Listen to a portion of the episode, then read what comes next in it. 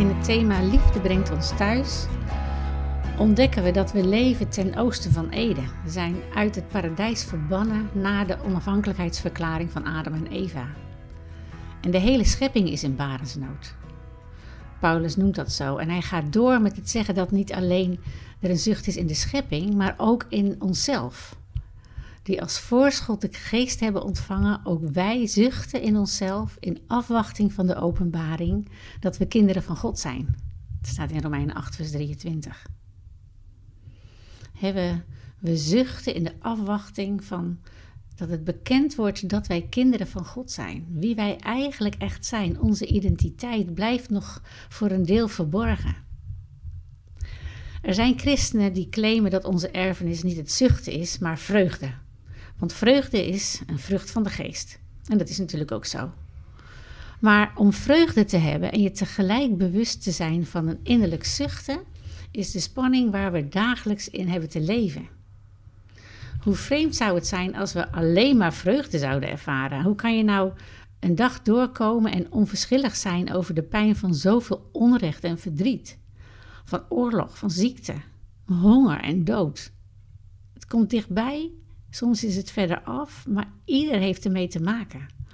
En in het delen van die pijn deel je in de compassie van Jezus.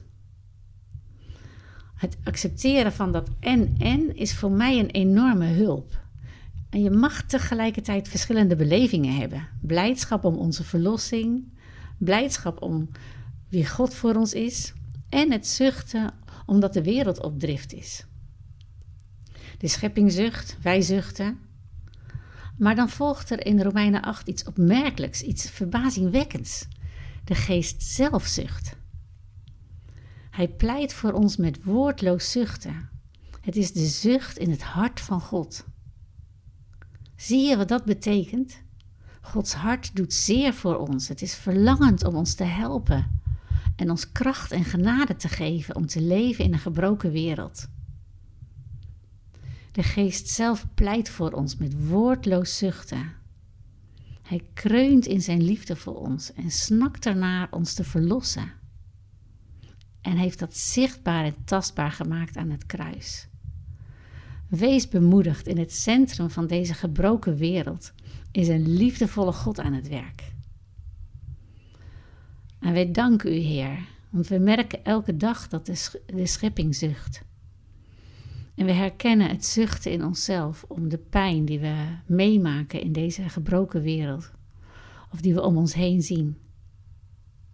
En we prijzen u dat uw geest zelf met ons zucht en voor ons pleit. En dat u aan het werk bent om uw heelheid te brengen over deze wereld.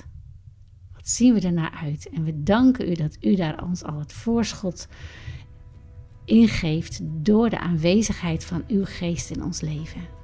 Kom, Heilige Geest, vul ons hart opnieuw met die zekerheid, met die rust, met dat vertrouwen. Amen.